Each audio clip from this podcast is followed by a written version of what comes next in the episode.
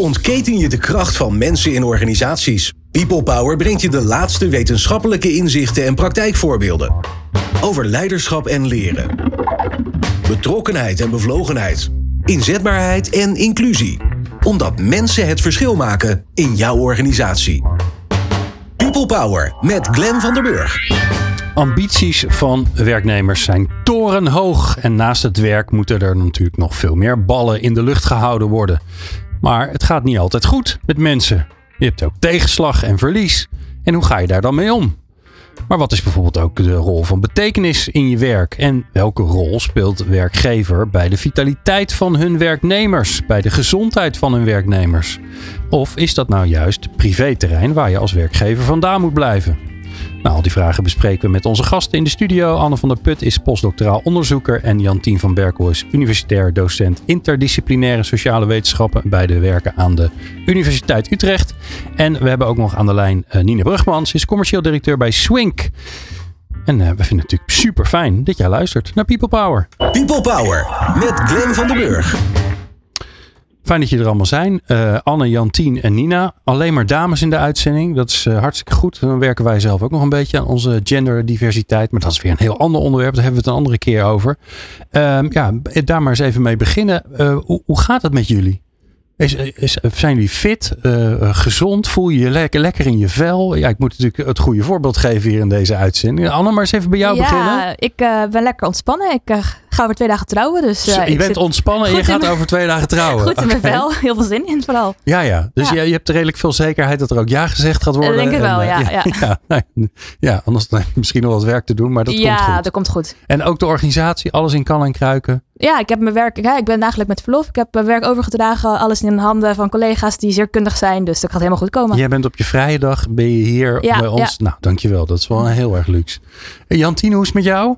Ja, met mij gaat het ook goed. Ja? Ja. Uh, ik heb uh, iets minder spannende plannen. Bij mij begint gewoon het academisch jaar. En, uh, met onderwijs en onderzoek. maar lekker vakantie. Maar je hebt er zin in ook. Ik heb er zin in. Dat is wel ja. belangrijk natuurlijk. Zeker. Ja. Nou, is mooi. Dan gaan we naar de laatste. Dan heb ik mijn rondje gehad. Dan kan ik straks checken of ik het een beetje goed heb gedaan, deze check-in.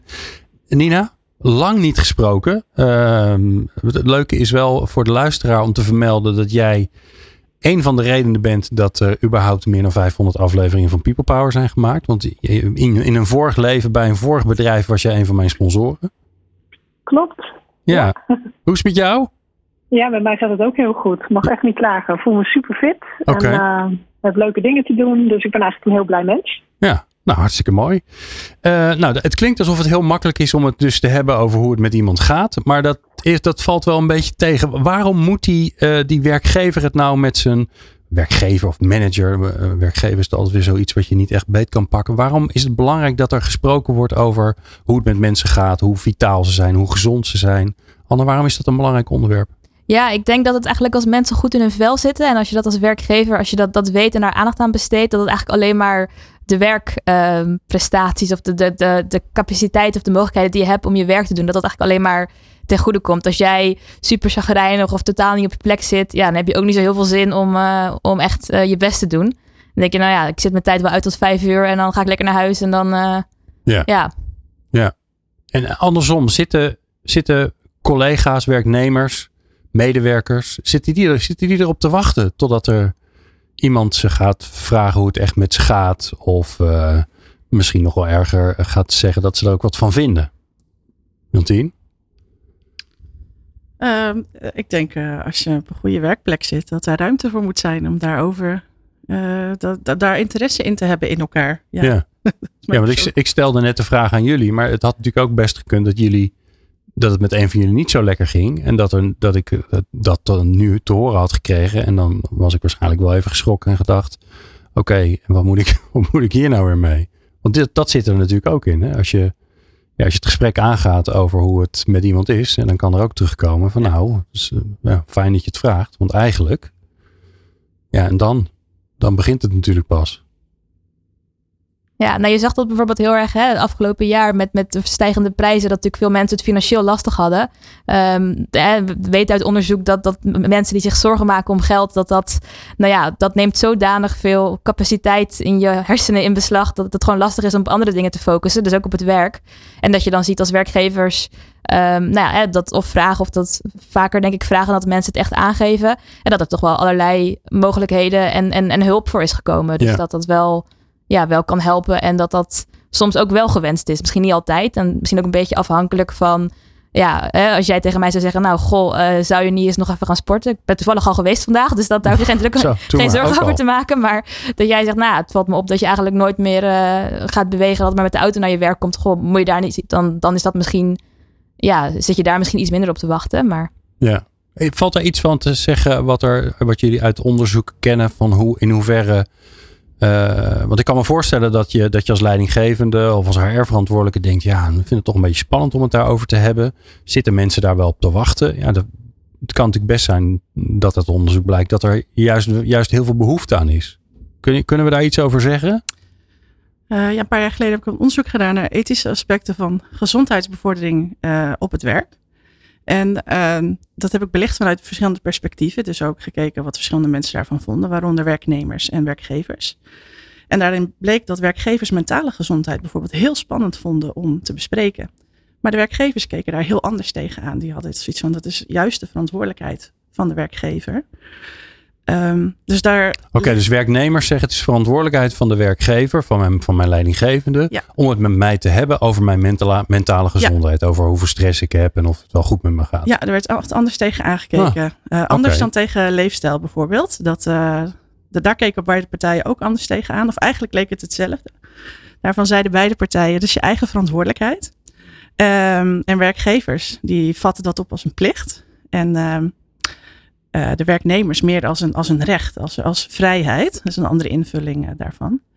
Dus, oké, oké. dus de werkgever, die, werkgever die denkt, nou ja, weet je, hoe, hoe, je, hoe jij voor jezelf zorgt, hoe je voor je lijf zorgt, uh, je, je leefstijl. Dat moet je zelf weten. Daar mag ik eigenlijk niet aankomen. Dat is je eigen verantwoordelijkheid. Maar het is wel jouw plicht om te zorgen dat je voor jezelf zorgt. Ja, omdat je, omdat je met mij een contract hebt. Ja, ja, ja. het is eigenlijk onderdeel van, de, van de deal die we met elkaar hebben. Want ik huur jou in en ik krijg je uren. Maar dan moet jij wel zorgen dat je gereedschap jezelf, dat je een beetje jezelf onderhoudt. En de, en de werknemer die dacht, ja, dat is van mij, daar moet je vanaf blijven. Precies. Ja. Dat is nog wel een flinke uitdaging. Daar ligt, daar ligt dan, nou op allebei natuurlijk, maar zeker op dat, op dat leefstijlgedeelte is dus wel een hele spannende uitdaging. Zeker, ja. Ik denk dat je daarmee verder kunt komen met een, een dialoog. Een dialoog, een gesprek waarbij je niet per se op dezelfde uitkomst hoeft uit te komen. Hè? Dus dus niet een, richting een consensus. Mm maar waarbij je leert van elkaars perspectieven. En uh, ik denk dat dat daarbij uh, uh, kan helpen. Zo hebben ook verschillende onderzoeken, okay. recente onderzoeken. Nou, daar duiken we straks in. Dan gaan we kijken hoe we, dat, hoe we werkgevers, leidinggevenden kunnen helpen. Um, waar ik wel gelijk aan zit te denken, Anne. Je, je hebt natuurlijk allemaal van die vitaliteits programma's. Hè. Er zijn ook allerlei bedrijven uit de grond gestampt ondertussen door de jaren heen. Die allerlei prachtige programma's hebben. En die gaan hardlopen met mensen. En uh, nou ja, de, de, de fruitabonnementen en weet ik veel wat allemaal. Hè. wat opvallend dat het fruit zo op is als je het ergens neerzet. En dan wordt het ook niet aangevuld. Dan denk ik ook altijd, ja, daar heb ik er ook niet echt goed over nagedacht. Of het blijft heel lang liggen en dan is het niet meer lekker. Daarom, dan ziet het er niet meer uit. Ja, maar um, Um, maar als de, als de gemiddelde werkgever denkt, ja, eigenlijk is het niet mijn verantwoordelijkheid. Uh, en de gemiddelde werkgever, werknemer denkt, ja, eigenlijk heb jij daar niet mee te bemoeien. Ja, wat zijn we dan aan het doen met al die vitaliteitsprogramma's? Ja, dat is wel grappig dat je dat zegt. Want wat Jantien net zei, ik moest eigenlijk gelijk denken aan, aan, mijn meest recente onderzoek. Waarin we dus hebben gekeken naar van, goh, hè, stel je biedt dat aan. Wat doet dat dan met mensen? En daarin zien we dat werknemers die in een organisatie werken waarin vitaliteitsregelingen, en hierbij gaat het dan vooral op uh, gezond eten en bewegen. Dus bijvoorbeeld dat uh, uh, samen hardlopen of dat fruit, die fruitschaal. Dat alleen dat al positieve effecten kan hebben voor de werkprestaties van de werknemers. Okay. Dus het is het, het gebruik zelf doet er zeker ook toe, maar ook de mensen die um, niet gebruiken, maar wel weten dat het in een organisatie aanwezig is, die presteren eigenlijk ook wel beter. Ah, Dus het is, nou ja, Wat is dat nou voor mafs? ja, dat is heel maf. Daar moesten we ook even over nadenken van, goh, hoe, hoe kan dat nou? Ja, maar probeer het eens uit te leggen. nou, wat wij dachten is dat het eigenlijk een soort van, omdat je dus die, ja, dat contract of die, die relatie onderling hebt, is dat je als werkgever dan toch het signaal geeft van, goh, hè, ehm, oké, je wil misschien niet dat ik me ermee bemoei, maar ik geef toch om jou en om je welzijn en om je gezondheid. En daarom ehm, mag je van mij naar de sportschool. Of heb ik een, een Hm. bootcampklasje om de werktijd. En dat dan die werknemers denken van... Goh, nou, dit is wel een fijn bedrijf. En hier wordt echt hè, om mij gegeven. En daarom doe ik ook mijn best.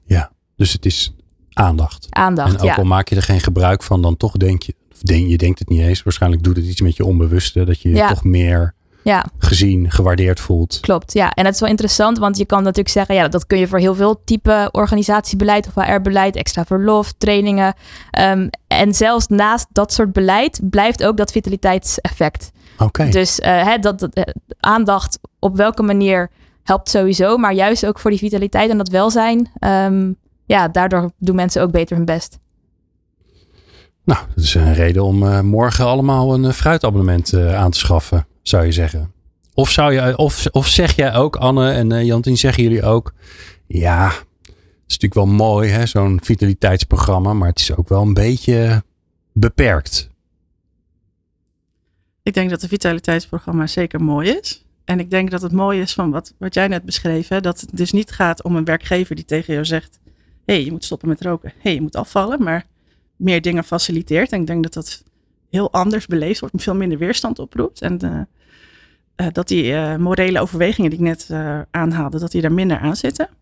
Maar ik denk wel dat het belangrijk is dat de basis in orde is. Hè? Dus dat het, dat het werk fatsoenlijk is en dat het werk betekenisvol is.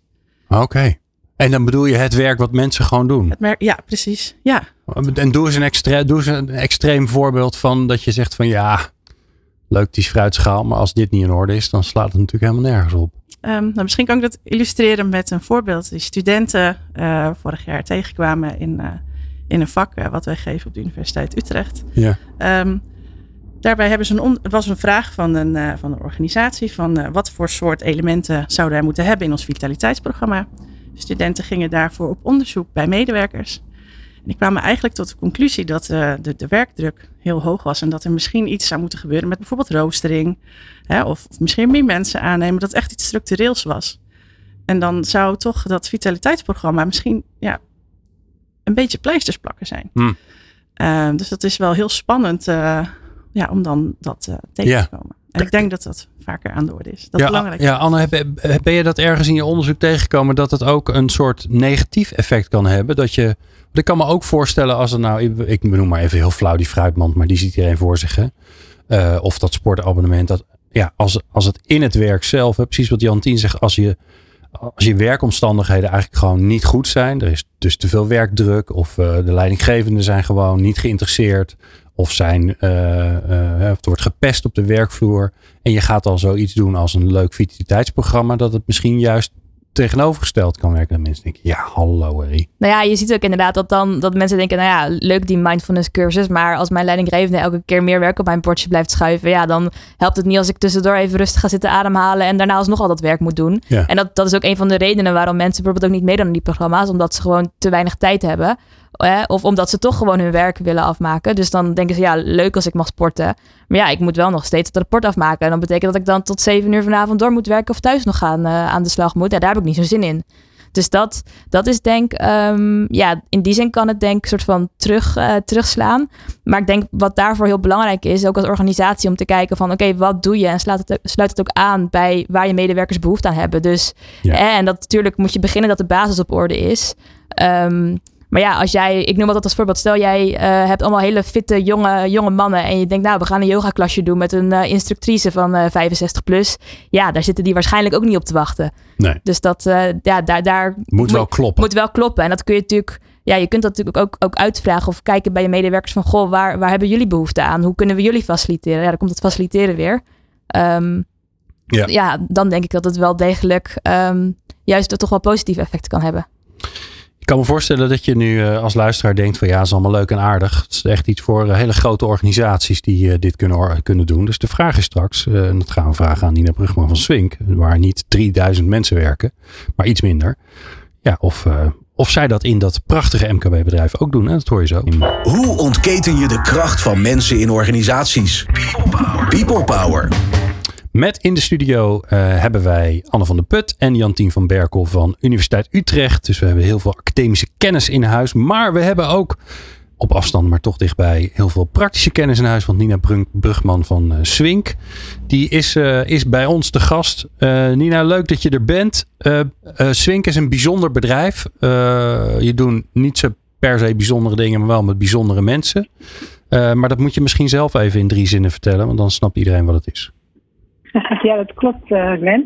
Wij zijn een sociale onderneming, want wij werken alleen met mensen met autisme. En dan het liefst ook nog de mensen waarvoor autisme te veel een beperking is om in het grote corporate bedrijfsleven overeind te blijven.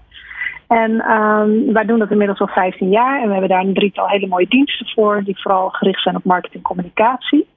En wat wij eigenlijk heel bazaal doen met, met onze medewerkers, is hen gewoon vragen van joh, wat heb jij nodig om je werk goed te kunnen doen? Hm. En dat is wel een, eh, een insteek die denk ik heel dicht bij uh, vitaliteit uh, aanschuurt. Ja, want je hebt net meegeluisterd ook uh, met ja. uh, alle mooie dingen die Anne en, uh, en Jantien hebben verteld. Hè? En dat het ook, ja, ook wel een lastig onderwerp is. Je moet dicht bij mensen komen. dingen die ze, waarvan ze misschien wel denken, ja, daar heb je niks mee te maken. Hoe bemoei je je mee? En ehm, hoe, hoe doen jullie dat in de organisatie? Nou, wij hebben sowieso een hele mooie set met kernwaarden. En een daarvan dat is transparantie. En dat wil niet zeggen dat je alles aan ons moet vertellen of aan je collega's. Maar we hebben die transparantie wel nodig om uh, van elkaar te begrijpen hoe je in je vel zit of uh, hoe je je werk moet doen. Dus dat is wel iets wat wij vragen van onze mensen. En eigenlijk Um, ja, door die dialoog, ik hoorde, ik, ik weet niet of het Anne of Jantien was, die hoorde ik dat net al zeggen. Door die dialoog komen, komen eigenlijk ook heel vaak dat soort componenten al aan bod. Waarvan je anders denkt van, oh, is misschien wel iemand heel erg iemands privéleven. En tegelijkertijd kan jij als werkgever um, ook best wel last hebben van iets wat er privé gebeurt. Omdat dat natuurlijk, je neemt het mee. Het is niet een, dat er een schotje tussen zit van, nou, we doen een schuifje omhoog en een schuifje naar beneden en we gaan vrolijk verder. Dus door gewoon echt goed te vragen. Um, wat er speelt en hoe zit je in je vel. Of, bij onze mensen ook heel vaak van uh, hoe zit je in je energie. Want door hun uh, autistische brein, dat werkt anders, met name de prikkelverwerking. Dus energie is daarbij altijd wel een dingetje. Als iemand heel veel klantafspraken heeft, dan uh, proberen we altijd niet te veel andere dingen in te plannen, zodat iemand weer eventjes tot rust kan komen. Dus door dat soort vragen te stellen, dan ja, komen er vaak ook gewoon wel dingen naar voren die privé spelen, die voor ons wel relevant zijn om te weten, omdat we dan gewoon rekening kunnen houden met elkaar. Ja. Ja, wat ik altijd interessant vind, ik heb in het verleden veel met mensen met een beperking gedaan. Dus ik, ik, ik, kan me er wat bij voorstellen. Wat ik zo interessant vind is juist hè, in, in jullie geval, omdat je uh, met, uh, met mensen met, autisme werkt. Um, uh, en jullie eigenlijk specifiek een omgeving kunnen creëren waar mensen prettig kunnen werken en hun energie kunnen behouden. Juist daardoor ben je ook gewend om dat gesprek met mensen aan te gaan. Juist daardoor ben je uh, is het ook logisch dat je, dat je er met elkaar over praat. Dat je zegt, nee, die vraag vind ik heel erg mooi. Wat heb je nodig om, uh, om, om je werk te kunnen doen? Ja, andersom kan je ook zeggen, ja, in, in een tussen aanstekens normaal bedrijf, hoe vaak wordt dat gevraagd? Hè? Dat je vraagt, wat heb je nodig om je werk te kunnen doen? Ik, nou, ik ben niet helemaal, uh, niet helemaal een goed voorbeeld, want ik ben al jaren zelfstandig. Maar ook in de tijd dat ik wel gewoon voor een baas werkte, voor mij is me nog nooit gevraagd. Nee, mij ook niet. En dan gaat het ook niet eens zozeer om de vraag, maar ook vooral wat je ermee doet met het antwoord. Ja. Ja, want je moet, je moet er wel naar handelen, anders heeft het niet zoveel zin, hè? Nee. nee, precies. Dat klopt. Nee. Ja. Hey, en neem ons eens mee. Uh, uh, stel je voor, er komt een nieuwe collega, die komt bij jullie werken en die is dat nog niet gewend. Hoe, ja. hoe, wat voor structuur hebben jullie dan om te zorgen dat je erachter komt en dat je er ook mee aan de slag gaat? Nou, sowieso krijgen ze gewoon een gedegen inwerkprogramma, waarbij ze ook een, uh, een buddy toegewezen krijgen, dus, dus een collega die al bij ons werkt. En we hebben een heleboel dingen al uitgeschreven in ons personeelshandboek. Dus in die zin proberen wij in ieder geval om zoveel mogelijk verrassingen voor de nieuwe medewerker weg te nemen. Want dat vinden mijn collega's over het algemeen niet altijd heel prettig. Dus we proberen het juist heel voorspelbaar te maken en heel gestructureerd, zodat ze weten wat, uh, wat er van ze verwacht wordt. Ja. En dan volgen ze eigenlijk gewoon een week lang zo, of twee weken lang zo'n programma. En um, er zitten op de teams ook altijd teamleiders die ervoor zorgen dat er, dat die zijn zowel coachend als die zorgen ook voor de planning. En die, die, doen de, uh, die controleren ook of ze of binnen die planning uitkomen. En waar nodig sturen ze een beetje bij. Dus dat zijn wel hele belangrijke sleutelfiguren ook in die transparante communicatie. En ook in het faciliteren van uh, de juiste werkomgeving. En dat is natuurlijk voor iedereen anders. De een vindt het heel prettig om in de lunchpauze eventjes zich af te zonderen en tot rust te komen. En uh, de rest vindt het heel gezellig om in de lunchruimte gezellig met elkaar te kletsen. Of gaat daarna nog een wandeling maken. Dus dat is ja, persoonsafhankelijk. En daar proberen we zoveel mogelijk gehoor aan te geven. Ja, ja, dat is ook wel een interessante. Hè? Dus uh, het beeld wat, wat we natuurlijk met z'n allen hebben van mensen met autisme, dat, ze, dat, ja, dat, die, dat die allemaal op dezelfde manier reageren. Maar dat is natuurlijk ongelooflijk uh, onzin. Want het zijn ook allemaal, allemaal mensen met allemaal ja. andere, andere wensen en andere dingen die ze belangrijk vinden. Um, ik kijk even de dames aan, maar dan geef ik ze ook wel even tijd. Ik ben wel benieuwd wat jullie van Nina willen weten als je dit zo hoort. Uh, wat voor wat er bij jullie boven komt drijven. Maar daar geef ik jullie even een paar seconden voor, want ik, ik zet je een beetje voor het blok. Dus ik stel nog even een andere vraag, maar dan komt die straks. Hè? Dan weten jullie dat alvast. Um, Nina, wat, als je nou. Um, als je nou wat jullie hebben geleerd en wat jullie doen ook binnen Swink, als je dat nou uh, um, als je daar nou een, een manager van een, van, een, van een willekeurig team in een willekeurig bedrijf, als je die nou advies zou moeten geven, wat, wat er te leren is van hoe jullie werken, wat zou je dan tegen die manager zeggen?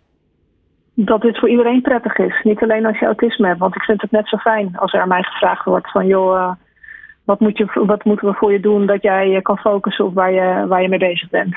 Ja, ja, en die voorspelbaarheid vond ik ook wel mooi. Hè? Dat je zegt, ja, wij zijn gewoon heel helder in het begin wat er, ja. wat er gaat gebeuren en wat er nodig is. Ik kan me voorstellen dat dat voor bijna iedereen in eigenlijk wel, eigenlijk wel heel prettig is. Ja, zeker als je net ergens nieuw komt. Want dan is alles natuurlijk spannend. Dus dan is het heel fijn als je iets hebt waar je houvast aan hebt. En uh, dat kan inderdaad zo'n documentje zijn waarin uitgelegd wordt wat je moet doen. Maar we hebben ook wel geleerd dat uh, uh, iemand aan zo'n collega koppelen werkt ook heel prettig. Want dan heb je in ieder geval een aanspreekpunt als je even ergens iets niet weet. Ja, nou. Jantien Anne, wat is er uh, boven geborreld? Wat wil je van Nina weten? Nou, ik, vond, uh, ik, ik sloeg wel een beetje aan op, op de vraag die, die jullie stellen aan uh, nieuwe medewerkers, Nina. Dat je zegt van wat, wat heb je nodig om, ja, om je werk goed te kunnen doen? Ik denk namelijk dat het heel goed is als je het op die manier vraagt en niet van hoe kun jij je werk goed doen? Omdat je dan zeg je, ja, geef je ook echt aan als, als organisatie of als leidinggevende dat je daar een, een rol in ziet. En ik, ja, ik vraag me gewoon af hoe jullie dat dan in de praktijk brengen. Dus stel, ik kom bij jullie nieuw werk en ik zeg van nou, goh, ik, ik, ik heb dit nodig. Maar ja, iedereen heeft natuurlijk iets anders nodig. Ja, hoe ga je daarmee om eigenlijk? Um, nou ja, dat zit vooral wel echt in de begeleiding. Die is bij ons ook wel behoorlijk intensief.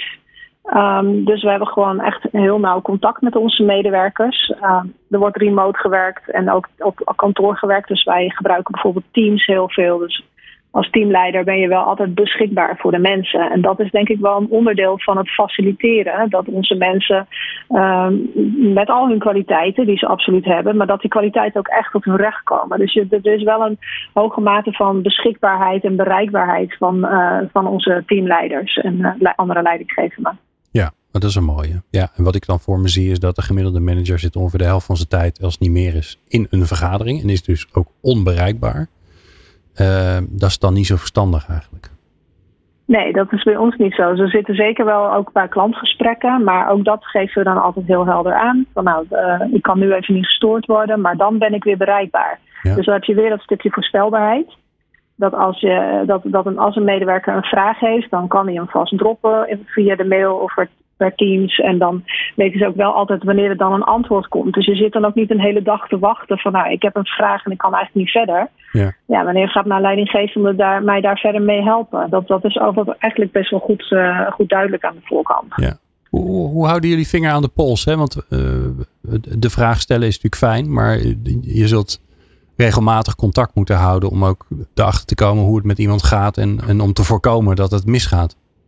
Ja, ja dat, dat, is, uh, dat vind ik een hele goede vraag. En dan wil ik toch even terug naar het voor-corona-tijdperk en het uh, tijdens corona-tijdperk en het dan nu het heden. Um, voor corona zaten we gewoon allemaal op kantoor, ook in een kantoortuin.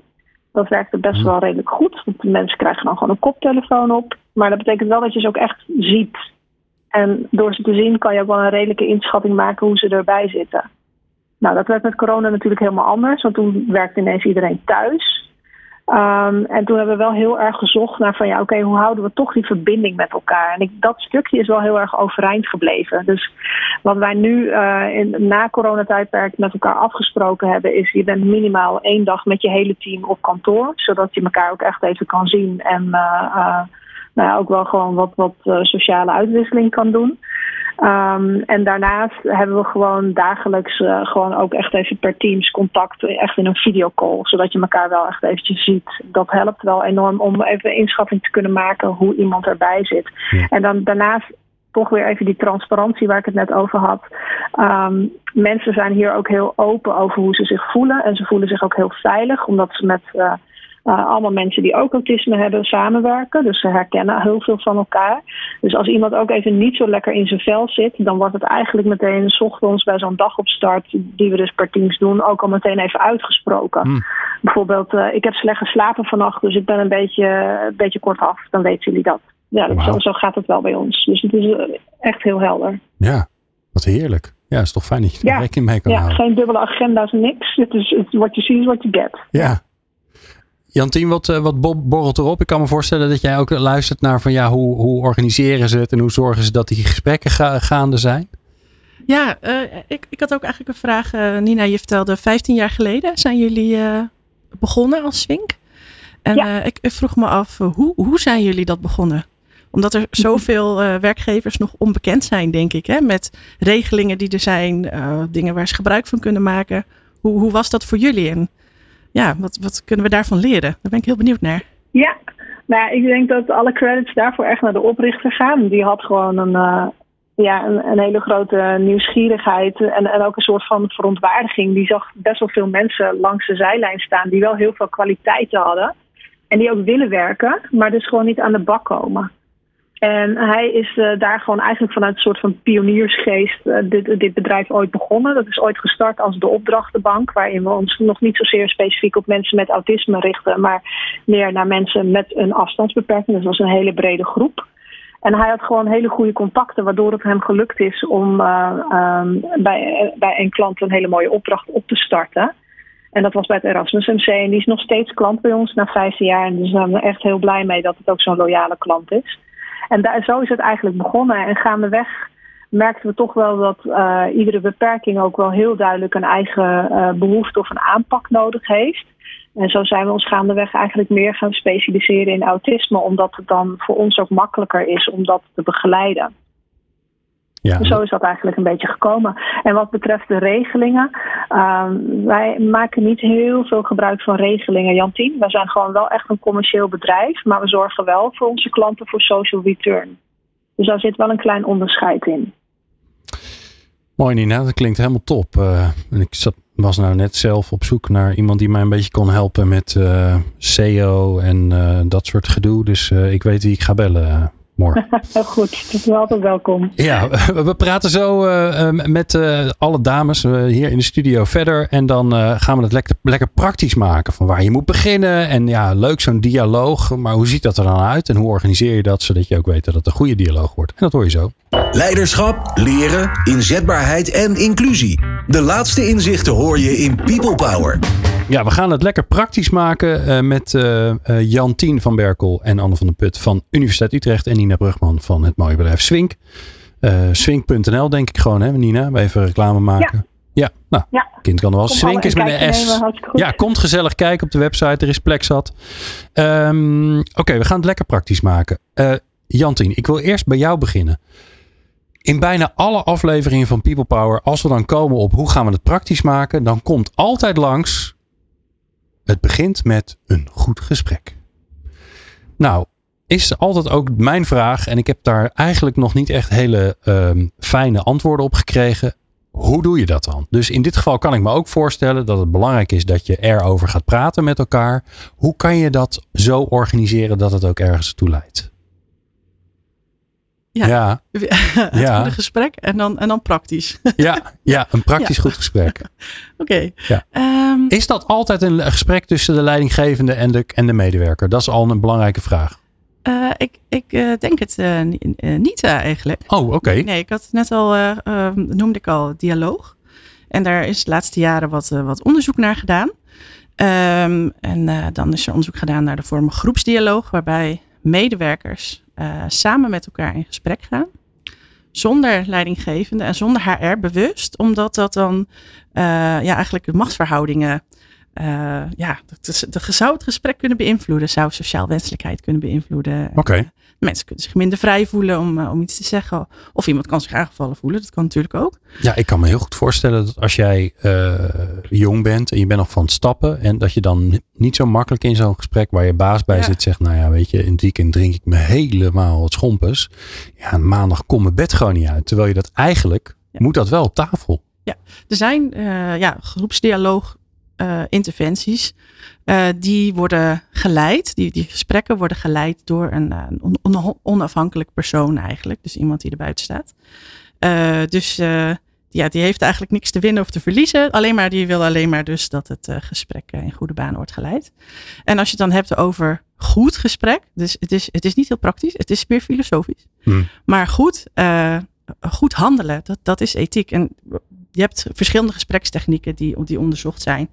Um, maar waaronder ook uh, uh, die uit ethiek komen. Um, moreel beraad bijvoorbeeld, of een dilemma-methode of een Socratisch gesprek. En dat kun je ook heel goed, heel praktisch maken.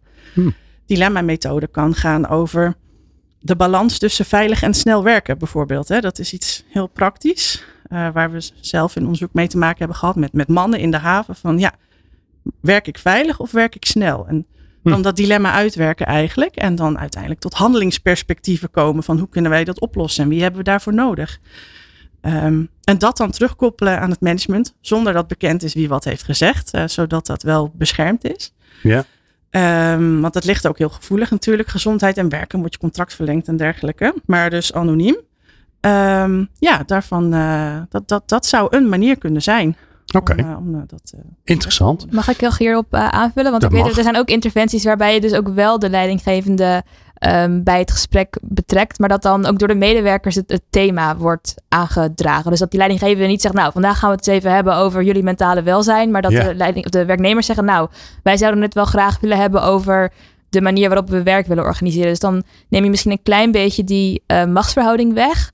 En uh, nou ja, daar, zijn, daar dat is ook begeleid en ook met, met, met, met trainingen. En, en dus dat je ook technieken krijgt aangeleerd. Okay. Um, dus er, er, zijn heel veel verschillende vormen mogelijk. En ik denk ook afhankelijk van het thema waar je het over hebt. Dus als het misschien iets dichter bij het werk ligt, dat het misschien wel goed is om ook die leidinggevende bij te betrekken. Maar als het dan meer ja, wat, wat verder weg ligt, of waar je dus juist heel erg die, die spanning, dat het dan misschien goed is om, om diegene er niet uh, bij te betrekken. Ja, ik heb even in ieder geval voor mezelf opgeschreven dat ik het fijn zou vinden als jullie een paar leuke linkjes aanleveren. Die gaan we dan in de show notes zetten naar de dilemma methode en het Socratisch gesprek. Onder meer, maar er zijn er dus nog meer. Uh, want dit biedt lekkere hou, hou vast ook voor iemand die denkt, ja, ik moet hiermee aan de slag. En hoe ga ik dat nou doen? En het is natuurlijk, ja, dit, dit kun je inhuren. Dat is wel heel fijn, maar dan hoef je het zelf niet te doen. Of je kunt het lezen en je kunt het gaan toepassen zelf. Dat is ook interessant. Um, en ik hoor jullie, jullie beide disclaimer ook van ja, het is niet zo dat één van die instrumenten voor alles werkt. Je moet een goede keus maken. In welke situatie kies ik voor welke ja. tool. Hè? Er is geen silver bullet, denk ik, die, uh, die altijd zal werken. Ik denk dat je goed moet kijken wat werkt. Ja, ja, maar ja, dat geldt ook voor de timmerman. Die moet ook niet alles met een hamer doen. En uh, toch doen, hebben wij daar in, in, het, in het werk nog wel eens de neiging toe.